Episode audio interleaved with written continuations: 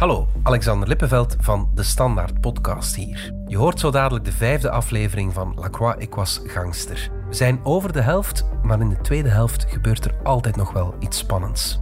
Naast luisteren naar onze journalistiek kan je die natuurlijk ook elke dag lezen. In de nieuwsapp, online of in de krant. Voed je kritische geest met scherpe analyse, nieuwe inzichten en duiding bij de actualiteit. Maar ook met de verhalen achter de feiten en inspiratie voor wat mooi, nieuw of waardevol is. Lees nu de standaard voor 4 euro per week via standaard.be-lees. 31 december 1988. Beeld je in. We zijn aan de Côte d'Azur, waar het wemelt van de ambiance-restaurants. De meest speciale tent bevindt zich in Rue de la Madonnette in Nice. Eh bien, mesdames, mesdemoiselles, messieurs, le restaurant de la Madonnette est très heureux ce soir de vous accueillir parmi nous. Daar huist La Madonnette, Bienvenue, waar ene Pitou en G de plak zwaaien. Pitouche, François et Tramoni, toute la compagnie vont vous faire un spectacle. Spektakel is de rode draad in La Madonnette.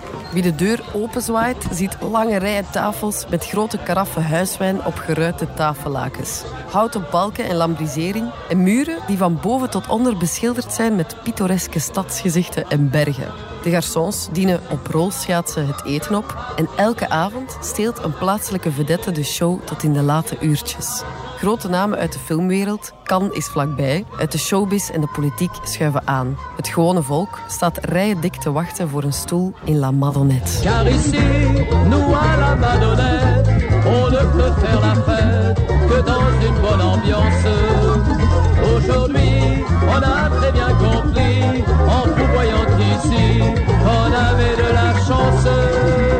Op oudjaar 1988 zit aan een van die grote tafels een uitgelezen gezelschap. Een tiental of twaalf. We herkennen Philippe Lacroix, Patrick. Patrick Hamers en zijn broer Erik, Tosca. Bashri Bashrami en Mark van Dam. Weet je nog? Van de ontsnapping in Leuven.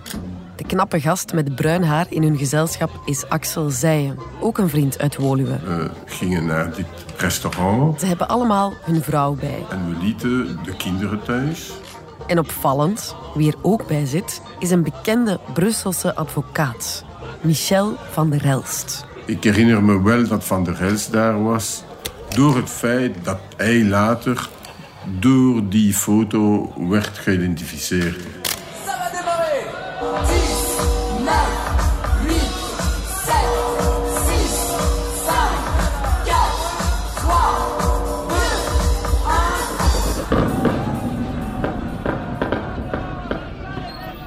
De gelegenheidsfotograaf in La Madonnette, die alle tafels afgaat, staat er natuurlijk niet bij stil dat dat ene gezelschap een bende gezochte gangsters is uit België. En nog minder dat zijn foto maanden later belangrijk bewijs zal zijn voor de speurders. Die fotograaf die had al die foto's mooi bijgehouden. Dit is misdaadreporter Els Kleemput weer. En dus de onderzoeksrechter krijgt die foto's dan en hij dacht, ik ga hier Hamers en, eh, en Bajrami en Lacroix zien. En dan ziet hij daar in één keer ook een advocaat op staan, die hij dus heel goed kent. Ik denk dat die mens toch echt wel eh, op dat moment, ja, fameus moet geschrokken zijn. Na het diner verhuizen ze en vieren ze verder nieuwjaar in de villa van Lacroix. Er wordt gedronken en gelachen en volgens het dossier passeert er een joint.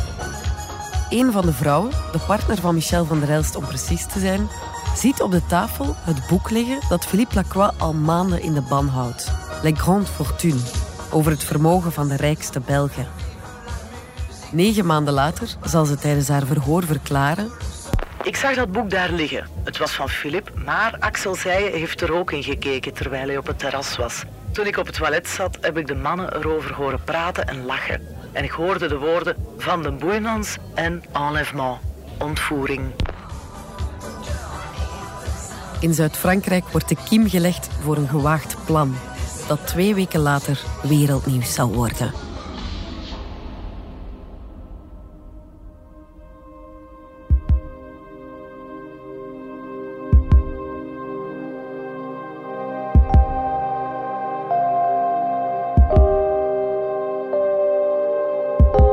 Dit is Lacroix, ik was gangster. Een podcast van de Standaard, gemaakt door Mark Eekhout, Marian Justaert, Joris van Damme en mezelf, Lise Bonduel. Ik was gangster. Aflevering 5. Een schoen, een pijp en een hoorapparaat.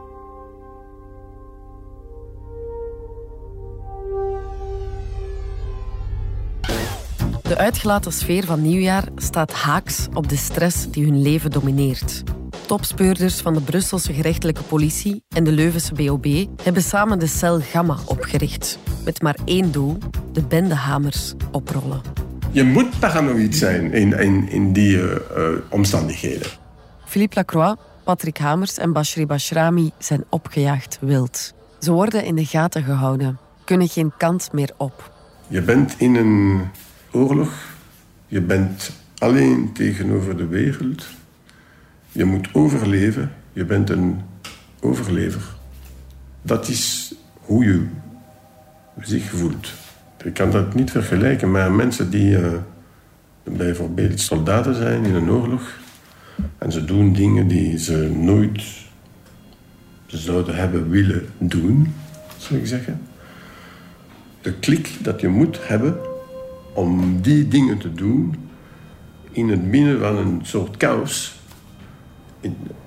Het verschil is dat de soldaten die daar zijn aan het uh, vechten in een oorlog, hebben dat niet besloten. Ze zijn daar gestuurd, ze doen een job, maar ze hebben dat niet besloten. En ze verdedigen een ideaal of een land. En dat is positief. En ik kon dat besluiten. Dat was mijn beslissing om die daad te plegen. Ik had natuurlijk de gevolgen niet kunnen voorzien. Willen voorzien. Die daad is geen overval. Vroeger, voordat we een geldtransport aanvielen, we hadden die geldtransport 15 keer gevolgd en we wisten waar hij ging, waarvan hij kwam enzovoort. Uitgebreid prospectie doen zoals vroeger kunnen ze niet meer nu ze op de radar staan. We konden dat niet meer doen. En de overvallen leveren ook gewoon niet meer genoeg op. 10 miljoen of 13 miljoen. Of... De buit moet altijd verdeeld worden onder drie of vier man. Als je dat moet uh, verdelen met drie, dat is 2, 3, 4 miljoen per persoon. En een paar miljoen volstaat natuurlijk niet om in het buitenland een nieuw leven op te bouwen. Op dat moment ben ik ook aan het vluchten. En dus, één oplossing was misschien iemand uh, te ontvoeren. Wiens idee was het? De ontvoering was misschien mijn idee. Patrick geloofde niet veel in, de, in dat idee. Eerst denkt Lacroix aan Leopold Lippes, de burgemeester van Knokke. Maar dan komt zijn goede vriend, de advocaat Michel van der Elst, met een beter voorstel. Van der Elst was VDB. VDB is Paul van den Boeinans, de vroegere minister van Landsverdediging, die ook even premier is geweest. Een flamboyante, maar ook best omstreden figuur. In 1986 is hij bijvoorbeeld veroordeeld wegens fraude. Het is door uh, Michel van der Elst dat Hamers bij Van den Boeinans is beland. Hoe komt het dat zij zo goed bevriend waren met Van der Elst? Die pasten. Dat was een kop met een deksloppen, dat was een route, een punt. Speurder Paul Verdurme, die ook in de cel Gamma zit, is niet eens verbaasd dat de Brusselse advocaat opduikt in de entourage van de bende. Michel van der Elst had zijn kantoor in hetzelfde gebouw waar Van den Boeinans woonde. Van der Elst, ik twijfel, ik twijfel er niet aan dat, dat hij erop geheelde om met die man om te gaan. In die nieuwjaarsperiode en daar aan de Côte d'Azur. Als je die in één ziet, bij mij komt dat niet op tafel, eerlijk gezegd niet. ik, kan, dat ook niet betalen. Hij zei, Philippe, wij hebben het, ideale doel. Hij woont in mijn, uh, in mijn building, in mijn, uh, en, hij, en, hij, en hij heeft veel geld. Hij heeft uh, 1 of 2 miljard, ik herinner me niet, maar hij had zijn eerste miljard gevierd en uh, ze spraken zelf over 2 miljarden. Dus in een aantal kranten werd er gepubliceerd dat Van den Boeinans 2 miljard waar was. Allee, in één Franstalige krant. Ja, ik geloofde Michel omdat hij mijn vriend was. En ik zei, oké, okay, waarom niet? Philippe Lacroix beraamt het plan. Hij en Tosca, dat is Bashrami, zouden zich verstoppen in het bezemhok waar Van den Boeinans voorbij moest komen als hij vanuit de garage naar de lift zou stappen. Een kamertje waar je de, de bezems en uh, de dingen voor de keuze enzovoort. Ze maken een kijkgat in de deur van dat bezemhok om VDB te zien aankomen. Bedoeling is om hem, zodra hij daar voorbij loopt, te overmeesteren en in de vluchtwagen te sleuren. En daar waren we in die, in die kotjes aan het wachten.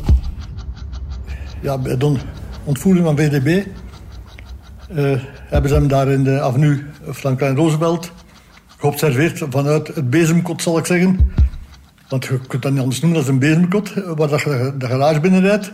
Dat uitgeeft op de zijdeur van Van Relst. Zijn praktijk. Hij woonde op de zesde, zevende verdieping. En wij wisten dat hij moest zijn eh, Mercedes in de garage zetten. En daar, hij kwam natuurlijk eh, binnen de building door die weg. En hij, en hij kwam voor ons. Donc en rentrant chez moi, tout à fait relax, qu'au moment où j'ai introduit la clé dans la serrure, que deux hommes me sont tombés dessus. Dus toen hij eh, aankwam, vielen we hem aan natuurlijk. S'avonds. S'avonds, ja, om negen uur. Of vroeger, ik weet het niet. Un très grand et un d'une taille moyenne. Patrick was in de auto, de auto die we moesten gebruiken om te vluchten. Basri, Tosca en ik hebben Moeinens uh, overmeester.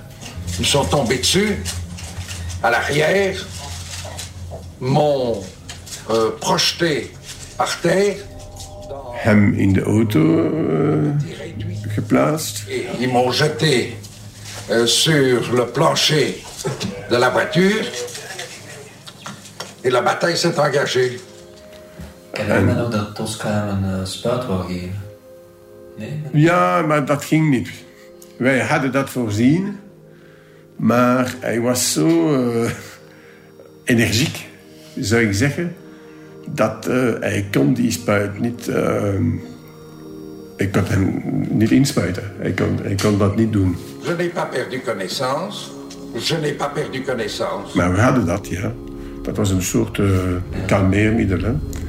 Dat hadden wij, ja. Un homme s'est accroupi sur moi avec une arme dans la nuque. Maar dat hebben we niet gebruikt. Et la voiture a démarré de chez moi. Elle est sortie euh, en partant vers la droite. Dus hij bleef wakker de hele tijd vanaf uh, zijn huis tot Le Touquet. Weg zijn ze, de grens over naar Le Touquet. Een badplaats in Noord-Frankrijk die ook Paris-Plage wordt genoemd. In Brussel is de politie ondertussen gealarmeerd. Ze rukken uit naar het appartementsblok waar Paul van den Boeinans woont. De man zelf vinden ze niet. Wel, in Van den Boeinans garage werd een schoen, zijn hoorapparaat en zijn pijp teruggevonden. Een pijp, een schoen en een hoorapparaat. De stille getuigen van wat vermoedelijk een kidnapping is. Toevallig wonen Els Kleemput en haar partner Alain Guillaume, ook een misdaadjournalist, maar Soir, vlakbij de plaats delict. Wij waren op familiebezoek geweest in Gent. Het was zaterdagavond. En uh, wij kwamen terug thuis en het was half één, één uur s'nachts of zoiets. En wij passeerden dus aan de, de uh, Rooseveltlaan. En op de hoek van de Rooseveltlaan en de Congostraat zagen wij wagens staan van ongeveer alle mogelijke politie- en rijkswachtdiensten dat je kunt inbeelden. Takelwagens en... Allee, bon, dat was van... Dus heel veel blauwe lichten en wij twee grote journalisten tegen elkaar. Goh, we zijn moe, weten wat. We hebben nog heel zondag om te werken, we zullen dat morgen wel zien. Dus we gaan slapen. Het was rond half drie geloof kregen we telefoon. En wij van, ja... Ja, van de Boeinas is ontvoerd. En we zijn direct van, en waar woont hij? Op de hoek van de Rooseveltstraat en de Congostraat. Oh shit, dat is waar. Want ja, anders, hè, er moet iets gebeurd zijn. Oké. Dan hebben wij een collega gebeld en dan afgesproken van kijk, morgen vroeg beginnen we alle drie te werken. Dus de volgende ochtend, wij bellen naar onze redacties. Op Belang van Limburg geloofden ze het meteen, op Soir geloofden ze het niet. Ja, maar dat kan niet, want er is nog geen enkel persbericht, er is nog niks op persagentschap Belga, er is niks op de radio, niemand weet van iets. Daar is nog enig uh, geroep aan te pas gekomen. Maar dat was wel waar, hè. En uh, alle magistraten en onze informanten die we aan de lijn kregen, die waren al een beetje van verrast van hoe weten jullie dat? Ja, er is nog geen persbericht, dus houd het nog voor u. Wij bellen naar onze derde man en we zeggen wel, wat heb jij al? Hoe zegt hij, wat heb ik al? Wat zeggen wij over Van den Boeinas, de ontvoering van Van den Boeinas? Goed, zei hij. Ik dacht dat ik dat gedroomd had. En het is pas s'avonds, de zondagavond dus, dat het parket van Brussel een persbericht heeft verstuurd. Dat wil dus zeggen dat wij ja, op ons gemak een hele dag rustig hadden kunnen werken en iedereen ons dan moest beginnen inhalen tussen aanhalingstekens. Pas om half zeven s'avonds stuurt het parket van Brussel een persbericht uit. Een goede avond, welkom in ons half elf journaal.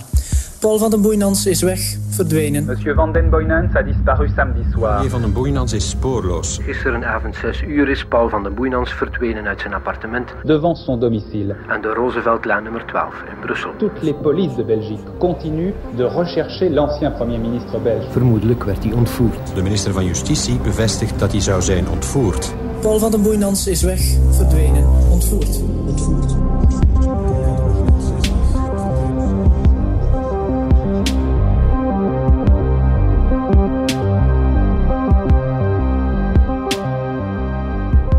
Zondag 15 januari s'avonds, we zijn dus twee weken na het nieuwjaarsfeest in Zuid-Frankrijk, hebben alle media lucht gekregen van de ontvoering, in binnen- en buitenland. De RTBF-televisie kreeg vandaag alvast een anoniem telefoontje waarin gezegd werd dat het om een ontvoering gaat. De ontvoering is opgeëist door een onbekende groepering die zich BSR noemt. De Socialistische Revolutionaire Brigade. Brigade Socialiste Revolutionaire. Een tot nu toe onbekende organisatie. De BSR, dat was de, de reiswacht. Hè? De reiswacht, de BOB. Hè? BOB in het Frans, dat is eh, BSR. Hè? Brigade de Surveillance et de Recherche. En dus dat was een jeu de mots. Een woordgrapje. Dat waren dezelfde letters. Hè? Hamers belt naar de media om in naam van de BSR de ontvoering op te eisen. Maar hij moet nogal wat moeite doen om geloofd te worden. Dus die zondagavond zaten we op de redactie van Le Soir. En we zeiden zo van, tja, de CCC die sturen opeisingsbrieven naar de kranten. We moeten in de brievenbus gaan kijken van Le Soir, de grootste Franstalige krant. Je weet nooit dat we een opeisingsbrief hebben van de ontvoerders. En we gaan naar de nachtwaker van Le Soir. Die kwam elke avond werken met een sporttas vol uh, bierflesjes. Dus gewoon om te zeggen dat die mens niet altijd even, de zaken even nuchter zag. En uh, wij vroegen dus de, de sleutel om de brievenbus te openen, want hij had de sleutel.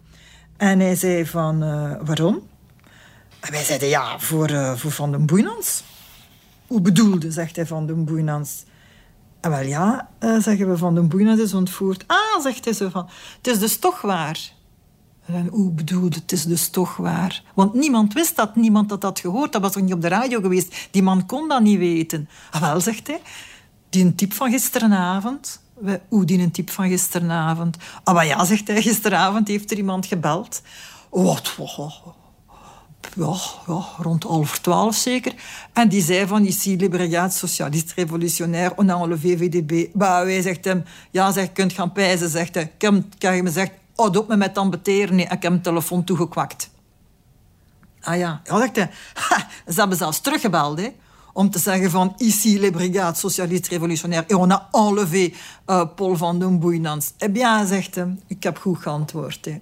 Ik heb gezegd, is dat en ik ben de koningin van Engeland en ik ga de congreskolon doen ontploffen. Ik heb hem telefoon toegelegd. He. Zeg, mij zo aan beteren.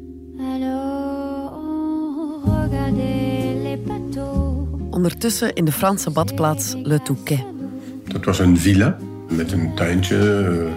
Ik had dat gehuurd met mijn vrouw. Een huis voor vakantie. Beetje ouderwets. Een kleine keuken, een kleine woonkamer badkamer en drie slaapkamers. In een van die slaapkamers wordt Van den Boeinans opgesloten. On m'a déshabillé De ontvoerders bevelen hem om zijn kleren uit te trekken. et je suis resté en chemise et en caleçon. Je ne sais pas si les faits étaient beaux, mais enfin, c'était la situation. en ketenen hem vast aan de muur. On m'a attaché Geboeid, avec manette met één hand een, een chaîne en, en, Aan een ket- ketting? en een ketting ja, aan een, eh, een ring, vast in de muur. Voor onze bescherming en zijn bescherming. Het was beter dat hij geen stommiteit kon maken en dat hij ons nooit zag. Er was een babyfoon. We, hoorden alles wat gebeurde in, de, in die kamer.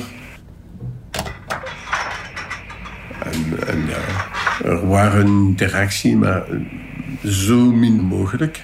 Alleen maar interacties in verband van, eh, van, van die ontvoeringen, eh, losgeld enzovoort. eh.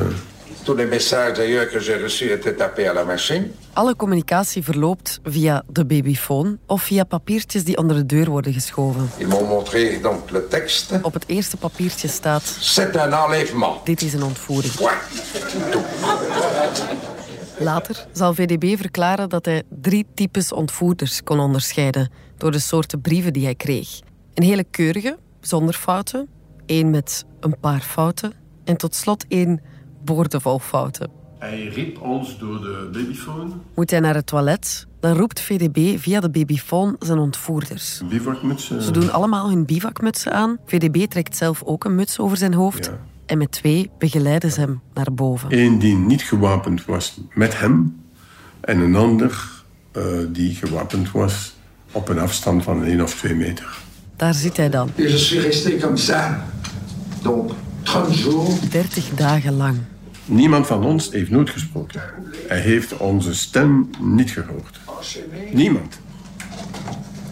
Je n'ai jamais vu, je n'ai jamais vu un visage humain. Je n'ai jamais entendu une voix humaine. Hij wou ons niet zien, natuurlijk. Eh, ik denk dat hij heel geschrokken was.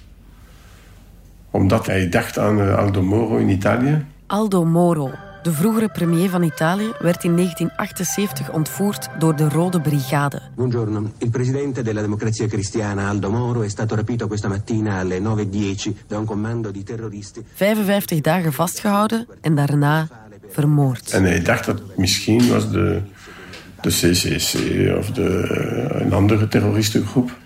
En hij dacht natuurlijk dat eh, in dat geval eh, in de problemen zat. Dat is tot dan toe het bekendste voorbeeld van een gekidnapte politicus. En het liep er dus alles behalve goed mee af. Maar moord, daar is het de bende Hamers niet om te doen. Zij willen losgeld. 400 miljoen Belgische frank. Dat is bijna 10 miljoen euro. J'ai reçu un message. Et dans ce message, euh, on m'a dit, nous ne sommes pas BSR, on s'en fout de la politique, il nous faut de l'argent.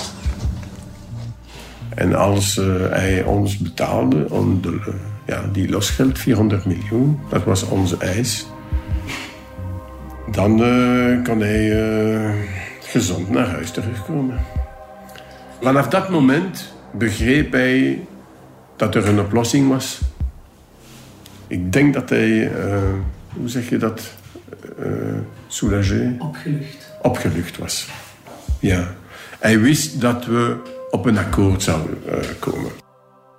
Van een Boeinans laat niet met zich sollen. Dus dan begon hij te onderhandelen. 400 miljoen, dat kan niet. eh, ik heb geen 2 miljard, dat is de pres enzovoort. Dat, Eens een zakenman, altijd een zakenman. En het zal trouwens lukken. VDB slaagt erin om de eis van 400 miljoen te herleiden tot 63 miljoen. maar voor mij was het duidelijk dat het oké was. Je voor moest mij niet 23 onderhandelen, dat moest niet... Nee, nee, voor mij. Wanneer we. Voor mij, dat was minder dat we verwachten. Maar dat was toch iets, hè. 63 miljoen, dat was heel veel geld in die tijd. Dus voor mij was het geregeld. Ondertussen is in België het fameuze kijkgaatje ontdekt. Het lijkt een kwestie van tijd vooraleer de ontvoerders ontmaskerd worden. De belangrijkste ontdekking is een vers geboord gaatje in de deur van een berghok net naast de dienstingang. Het zit precies op ooghoogte voor een volwassen man. En de politie vermoedt dat de kidnappers van daaruit ongezien de ingang in de gaten hielden en dat ze daar hun slachtoffer hebben opgewacht. En dat lijkt erop te wijzen dat de ontvoering wel zeer zorgvuldig is voorbereid. In Le Touquet neemt de zenuwachtigheid toe. Terwijl de onderhandelingen doorlopen, raakt het geld van de bende stilaan op. Vooral Patrick Hamers heeft er geen vertrouwen meer in. Hij panikeert. Hij heeft eigenlijk nooit geloofd in die hele ontvoering. En als het losgeld niet betaald wordt, heeft hij een probleem. Want hoe gaat hij dan aan geld geraken om zijn luxe leventje in Brazilië verder te zetten? En dus besluit de bende, hals over kop, om toch nog snel een overval te plegen. 1 februari 1989. In het allereerste VTM-nieuws ooit informeert nieuwsanker Nadine Sloveren het land over de drieste overval op een geldtransport in Groot-Bijgaarden. Vanmorgen heeft het gerecht meer details vrijgegeven over de brutale aanval op een geldtransport gisterenavond in Groot-Bijgaarden. De chauffeur van de geldauto is omgekomen en zijn begeleider raakte zwaar gewond. Voor een kleine buit zijn de overvallers wel met groot geweld tekeer gegaan. Ze schoten zelfs met zware oorlogswapens. Wat is er daar dan fout gelopen? Ehm, wat is er daar fout gelopen? Maar alles is fout, hè, Mark. Zoals we ondertussen weten, kostte hun explosieven het leven aan geldcourier Ronnie Kroes. Zijn collega Peter Bultink raakt zwaar gewond. Met een kleine buit keert de bende Hamers terug naar Le Touquet. Ze willen zo snel mogelijk af van VDB om te kunnen vluchten naar het buitenland. Nadat het losgeld betaald wordt in Zwitserland, zoals gezegd 63 miljoen Belgisch frank, ruim 1,5 miljoen euro, wordt Paul van den Boeinans op 13 februari 1989 vrijgelaten in Doornik. Monsieur est arrivé, sans savoir que c'était monsieur Van der Boenans, et il me dit, monsieur, voulez-vous me conduire tout de suite, tout de suite à Bruxelles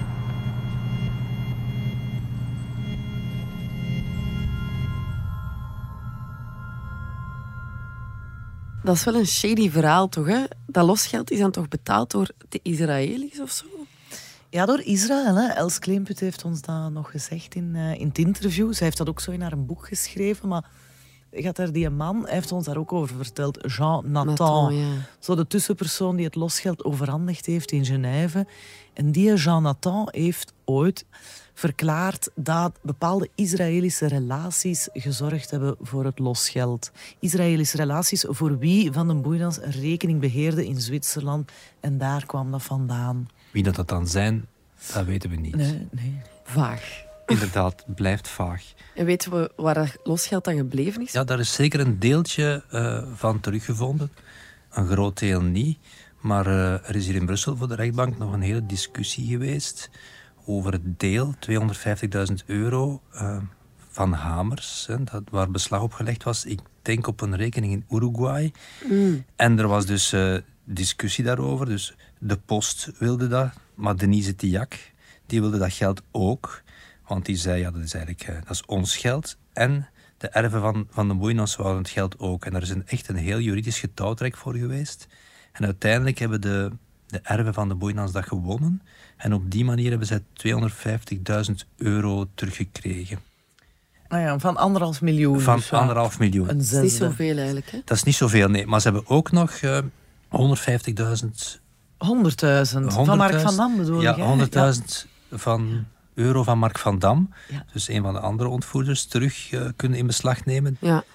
Maar al de rest is eh, spoorloos gebleven, opgeleefd, ergens weggestopt. Wie zal het zeggen? In een sok onder het bed. Ja, ook het deel van Lacroix. Dat is eigenlijk nog altijd... eh, Ja, ook het deel van Niet Lacroix. duidelijk waar dat ja, dat is, hè? Maar die is natuurlijk wel twee jaar lang spoorloos gebleven na die ontvoering van VDB. is langer op de vlucht geweest. Heeft een stuk schadevergoeding terugbetaald aan de slachtoffers ook. Ah ja, ook, ja. Ja. En vluchten is duur. Misschien is dat effectief op. Hè? Hij leeft kan. er alleszins echt wel niet naar. Hè? Misschien heeft hij het opzij gezet voor zijn kinderen. Voor zijn kinderen, ja. ja. Er blijven geruchten. In elk geval, we kunnen het hem nog vragen. Hè? Ik stel voor dat we het hem nog gaan vragen zelfs. Ja, dat is een goed idee. Ook die persconferentie met VDB. Only in Belgium toch? Dat is precies zo'n stand-up comedian die vertelt over wat het me heeft beleefd. Ja, hij was zo'n figuur. Hè. En ja, het komt een beetje over als slapstick misschien. Maar ja, aan de andere kant, dat is wel een eh, oude man van 70 die, Ja. die ontvoerd is. Die vreesde voor zijn leven, die, die aan, ja, aan een muur is vastgeketend. Ja, dat is toch eh, allemaal niet zo om, eh, om, Om mee te lachen. Nee, nee, zeker niet.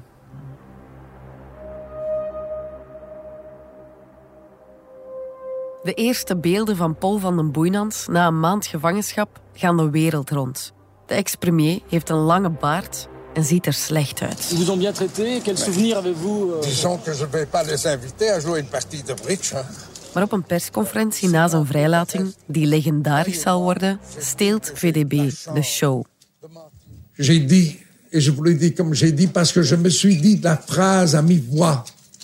VDB, tu ne vas pas crever ici. Ik herhaal, het is tegen mijn eigen dat ik heb gevochten. Om de moed en de energie te vinden om blijven te staan. En ze hebben van mij geen, geen traan gekregen.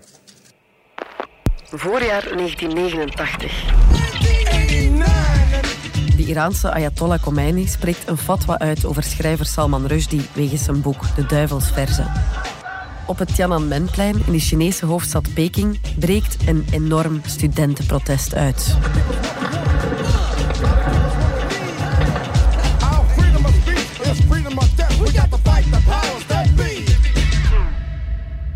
In Brazilië wordt een wereldhit geboren.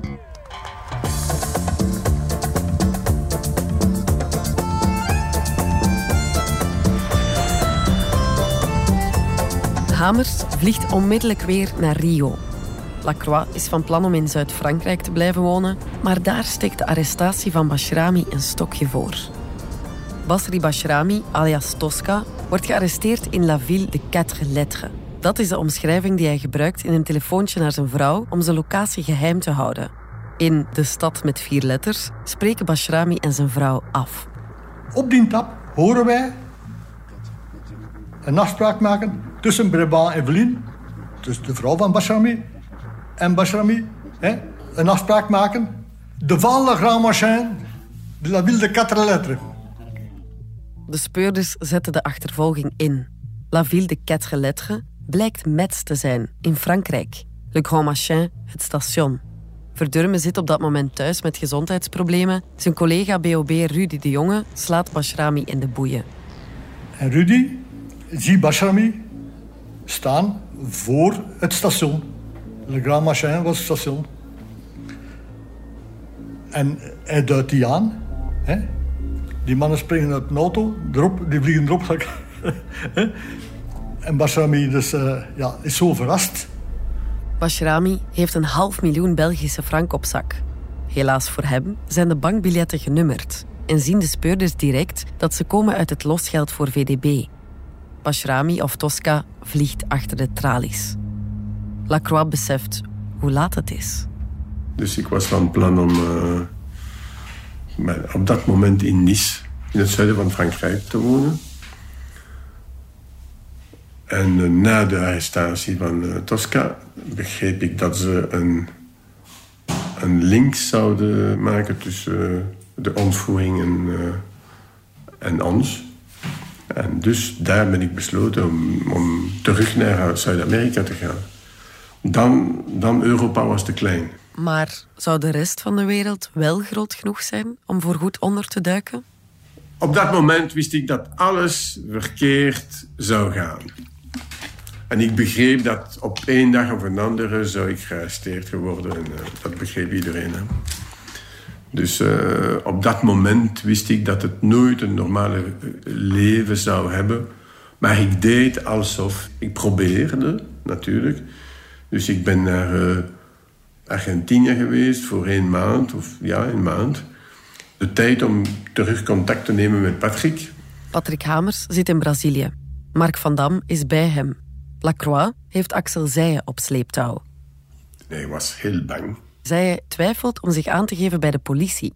En anders wil hij geld krijgen van Hamers. Hij wou naar Patrick gaan, hij wou geld hebben. Veel geld. Lacroix overtuigt hem dat bekennen geen goed idee is. Dat ging hij natuurlijk niet meer akkoord. Want dan zou hij ook zijn eigen rol moeten opbiechten. Ik heb hem gezegd, als je, wat zal je zeggen? Wat kan je zeggen? Dus dat kan niet. Maar oké, we zullen dat uh, met Patrick spreken. Dus dat waren dingen, jij moest dat blijven regelen, al die ja. in de bende. Ja, ik was een beetje de, hoe zeg, hoe zeg je, de onderhandelaar, enfin de bemiddelaar. Ja. Lacroix sleurt zij hem mee, via Argentinië naar Brazilië. Hmm. Dus wij zijn naar Brazilië geweest, omdat wij wisten dat Patrick daar was. Dat duurde niet zo lang. Enkele weken gaat het goed. Axel Zijen is veel in de buurt van Patrick Hamers te vinden. Hij heeft zijn geld gehad, terwijl Philippe Lacroix vooral optrekt met Mark van Dam. Normaal gezien woonde ik ook met Patrick. Maar zoals mijn vrouw en zijn vrouw... Ze zij, kwamen niet overeen. Zij, zij kwamen niet overeen, ja. Zij, ze, zij hadden verschillende standpunten. Ze hebben verschillende personaliteiten. En dus mijn vrouw wou niet daar blijven. En dan uh, wij besloten om naar de villa van Mark gaan wonen. De speurders zitten ondertussen ook in Brazilië. Op het lint van een typemachine die ze hebben gevonden in een garagebox staat een adres in Rio. In een, een garagebox in Opio, in het zuiden van Frankrijk, gehuurd door Philippe Lacroix, om het heel kort te schetsen. Hè. Daar zat een typemachine met zo'n bol. Zo van alles, onderzoeksdaden enzovoort enzovoort. Maar uit het verslag van uh, de, de Franse gerechtelijke politie van dus wat er allemaal getikt was op dat lint van die, van die machine. Daar stond het adres van een zeker Alain Goffin in, uh, in Rio. Alain Goffin, die kennen we nog. Dat was de alias waarmee Hamers gevlucht is nadat ze hem bevrijd hadden uit de celwagen in augustus 87. Swat, het duurt niet lang vooraleer de celgamma achterhaalt waar Hamers woont. Speurders Paul van Tiele en Rudy de Jonge vliegen naar Rio. Wij wisten in feite drie weken voor de dames aangehouden was wanneer dat we hem konden hebben. Die zondagnamiddag om drie uur op die plaats. Dus aan dat winkelcentrum, omdat er daar maar vijf telefooncellen waren van waar hij kon bellen. En wij wisten dat hij van daaruit ging bellen. We hadden toen voor de Brazilianen, voor de federale politie in Brazilië drie auto's, anonieme auto's gehuurd, want die hadden ze hadden zo gezegd zelf geen auto's. We hebben die van, wij dus de Belgen hebben dat gehuurd. Zij hebben daar een heel weekend mee rondgereden, een familie. Zij wisten ook dat, dat, dat zo'n drie uur zeker was in, in positie moesten zijn. En Paul van Tielen en Ruud de Jong, die waren daar. En dus, uh, ja, op die moment, ze konden daar ook niet meer onderuit. Hè. Ons mensen waren erbij. Want anders waren ze kwijt geweest. Daar ben ik bijna zeker van. Want bij de uitzoeking daar is er toen 70.000 dollar verdwenen. Op 27 mei 1989 worden Patrick Hamers, zijn vrouw Denise Tiak en Axel Zijen door de Braziliaanse politie in de boeien geslagen. Ik was bijna gearresteerd met Mark. Het scheelt niet veel of Philippe Lacroix en Mark van Dam worden ook gearresteerd. Mark woonde een paar kilometer ver van, uh, nee, tien kilometer ver van uh, Patrick. Wij hadden afgesproken. En dus, wij moesten naar hem gaan, naar zijn huis. Maar wanneer ze de bewaakte oprit willen opdraaien, vertelt de nietsvermoedende bewaker hen dat Hamers bezoek heeft. En hij zei, ah ja, welkom. Maar eh, ja, uw vriend is daar, maar ook met de politie enzovoort. Hè. Van de politie? En wij zeggen, ah ja, oh, hij moet zeker bezig zijn, dus we, gaan, we zullen terugkomen. en we zijn weg. Lacroix en Van Dam keren 180 graden om en racen weg. Maar als zij niets had gezegd, dan kwamen we aan aan, de, aan het huis en daar was de politie. Weg uit Rio, weg uit Brazilië, richting Colombia. De ogen van de speurders zijn gericht op Rio. Zonder te overleggen met hun Belgische collega's laten de Brazilianen de pas ingerekende Patrick Hamers uitgebreid met de pers praten. De beelden zijn absurd om te zien. Patrick Hamers, zijn vrouw Denise Tiak en zijn compaan Axel Zeijen poseren uitgebreid voor de Braziliaanse pers. Ontspannen, lachend, sans gêne. Hamers zelf demonstreert zijn reputatie van knappe, pocherige lefgozer. Het wordt nog onwezenlijker als hij een heuse persconferentie weggeeft. Met genoegen beantwoordt Patrick Hamers de argeloze vragen van Braziliaanse journalisten. Ook in ons land staat de pers paf. Nu dat de democratie er is, zegt de politie hier ook, kijk, nu kunnen jullie zien wat we doen, we hebben niets te verbergen. En uh, we hebben iemand aangehouden en uh, jullie kunnen zelfs met hem praten enzovoort. Dus het is een beetje een, een overdreven reactie tegenover het vroegere geheimzinnige gedoe. Maar uh, dat komt dan natuurlijk uh, juridisch gesproken een beetje inderdaad heel vreemd over. Hè? Hamers grijpt zijn moment. Zelfzeker, bijna arrogant, beantwoordt hij de vragen van de journalisten. Hij gooit er af en toe een mopje tussen en lijkt wel een acteur op de rode loper met zijn blonde manen, gestreepte trui met boothals en witte broek. Het charisma druipt er vanaf. En Denise Tiak, die staat aan zijn zijde met een kamerbrede glimlach. Ze kijken verliefd naar elkaar met de handen in de boeien. Qual foi a razão do sequestro? A razão do sequestro? Dinheiro. Nenhuma conotação política? Ninguém. Nenhuma colocação política. Tem mais pessoas que fazem parte do seu grupo? Sim. Estão aqui no Brasil? Não agora. Hamers betreurt tenslotte de vier doden die zijn gevallen bij zijn overvallen op geldtransporten. Het waren ongelukjes, zegt hij, ondanks de goede voorbereiding van de overvallen. Je regrette les morts, oui, énormément. J'ai toujours calculé pour, pour prendre et pour uh, que tout se passe bien. J'ai au moins 40 ou 50 affaires de mémoire. Hij is aangehouden, als ik me niet vergis, de 27e mei. En hij heeft toen een eerste persconferentie gegeven, bij wijze van spreken. Want hij heeft toen de eerste keer dus, uh, zijn exposé gegeven aan, aan de pers in Brazilië... voor wat hij feitelijk allemaal verantwoordelijk was... en waar, wat hij zich overal op beroemd heeft, wat, ze allemaal gedaan. Het is toen ook dat we wisten, de overval in Wilselen, die heeft hij daar toen genoemd. Hij heeft er nog tal van anderen genoemd. Els Kleemput en Alain Guillaume trekken hun stoute schoenen aan... en bellen naar de politie in Rio. En toen we terugbelden, dachten we van ja, we gaan een advocaat of zoiets aan de lijn krijgen. En we zeiden wie dat we waren. En iemand zei ja, un momento, por favor. Men schakelde ons door en wij kregen iemand aan de lijn. Wij zeiden ja, Alain Guillaume en Els Kleemput. Non, non, non, non, c'est pas moi, zei. Heel assertief. Uh, nee, ja, nous sommes Alain Guillaume en Els. Mais c'est pas moi, c'est pas moi. Moi, c'est Patrick Amers.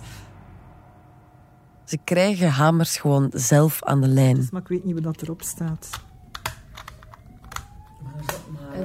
Ofwel moet ik een keer helemaal doorspoelen en zien wat er op het einde staat. Misschien is het alles. Els Kleemput heeft het bandje met het interview altijd bewaard. En bijna 34 jaar later blijkt het nog intact. Vous avez raconté en conférence de presse que vous reconnaissiez une série de hold-up Oui, c'est ça, oui. Bizar om Hamers te horen, alsof we terug in de tijd worden gecatapulteerd. Securitas, c'est tout à fait faux, c'est pas moi qui l'ai fait. Dat is Hamers die alles aan bekend is. Ja. En daarna heeft dat altijd heeft dat daarna weer ingetrokken. Maar hij had het ons gezegd. Hè. Bon, euh, vous savez que j'avais un avocat qui s'appelait Michel Van der. Oui. We dachten van, hoe? Waren we gewoon naar hem doorgeschakeld. J'avais un avocat qui s'appelait Michel Van der. Oui. Van der Bounat habitait chez lui. Het is compleet, het, het is compleet waanzin. Het is compleet waanzin wat ze daar vertellen. Ja, gewoon alles wat we wisten, voorgelegd van kijk, heb je dit gedaan, heb je dat gedaan. En hij heeft een aantal zaken bekend, uh, die hij daarna heeft proberen intrekken. Alain Guillaume stelt de ene vraag na de andere en Hamers beantwoordt ze allemaal. Hij bekent een hele serie overvallen. Une série incroyable, zo noemt hij het zelf. J'ai fait le Verviers, j'ai fait le sur l'autoroute, et puis j'ai fait une série euh, incroyable de, de postes, de banques et d'autres transports de fonds. Uh, hij heeft een aantal zaken gezegd waar we dus gewoon, ja, dat we dachten van, dit kan niet. Je pouvais aimer Paul Van den Moulin, je sais pas trop pourquoi. C'est un personnage pour moi et... Euh... Dit kan niet, allee, hoe, hoe durft je? Et il est mort, qu'est-ce que vous en pensez? Ben, Je pense que c'est horrible, qu'est-ce que vous voulez que je vous dise d'autre euh... Het was allemaal zijn fout, niet... Uh... Est-ce que vous avez fait une faute à l'arrestation? J'ai fait une faute? Ben, Je ne sais pas, justement. Ah oui, vous ne savez pas si vous avez fait une faute qui a provoqué Je ne sais pas la faute que j'ai faite pour, euh, pour qu'il soit là. Ok. C'est peut-être pas moi qui l'ai faite, hein, la faute, hein, mais... Euh... J'ai un moral, j'ai un caractère, et il restera toujours le même. Mais euh, je suis fatigué, c'est terminé. C'est- Envie de rentrer? Écoutez, euh, j'ai envie de rentrer, bof, euh, j'ai envie de rentrer. Écoutez, dans un sens, non, hein. Mais j'ai... euh, j'ai- oui, j'ai envie de rentrer vivre, mais non. Kleemput en Guillaume vragen hem ook naar zijn medeplichtigen. Est-ce que dans votre groupe, dans votre bande, il y avait un chef Est-ce que c'est vous ou pas Non, non, il n'y a pas de chef dans la bande. Ok. Il n'y a aucun chef dans la bande, il n'y a pas de sous-chef. euh, Il y, a- il y a un maître, il y a la croix, et puis il y a les autres. quoi. En daar, op dat moment,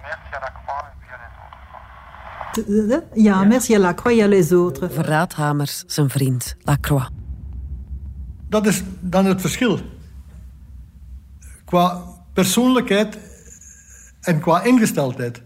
En Lacroix en de anderen hebben dat Hamers nooit in dank afgenomen. Heel zeker niet.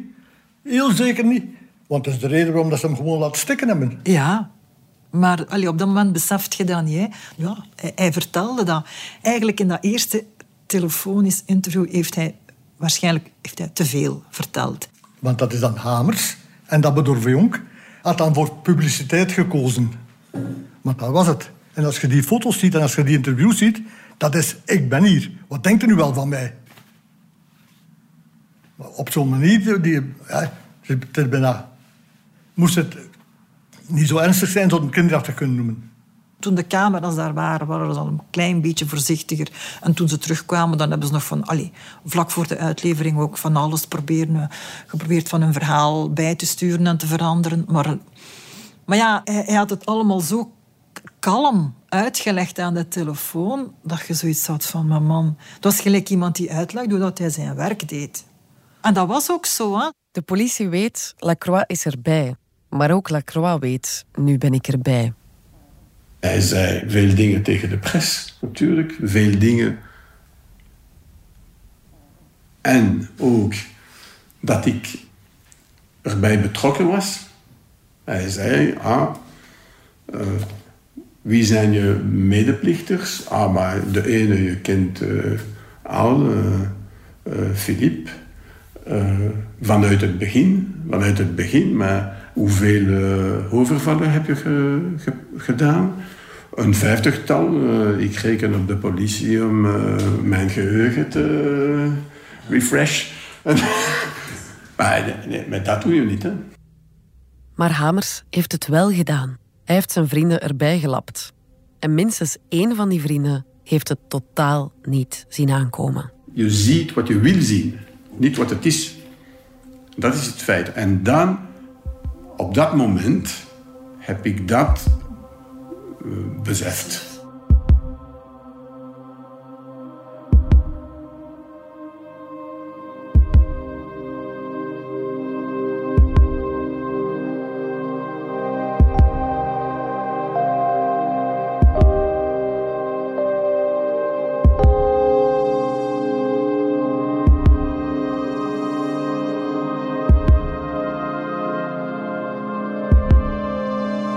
Volgende aflevering van Lacroix Ik was gangster. We waren aan het vluchten. Ik moest van identiteit altijd veranderen. En toen is Lacroix in Medellin verdwenen. Ze zouden in Medellin zijn geweest bij het drugkartel van Pablo Escobar. Ik moet weg. En dus ik ben weggegaan. In Colombia, je kan alles doen. Dat is corruptie. hè. Er was geen plan. Ik, ik wist dat het nergens kon leiden. Maar nergens is beter dan de gevangenis. Je hoorde een podcast van de Standaard. Alle credits kan je vinden op standaard.be-podcast. Wil je Philippe Lacroix nog beter leren kennen? Blijf dan zeker luisteren. En laat ons gerust ook weten wat je ervan vindt.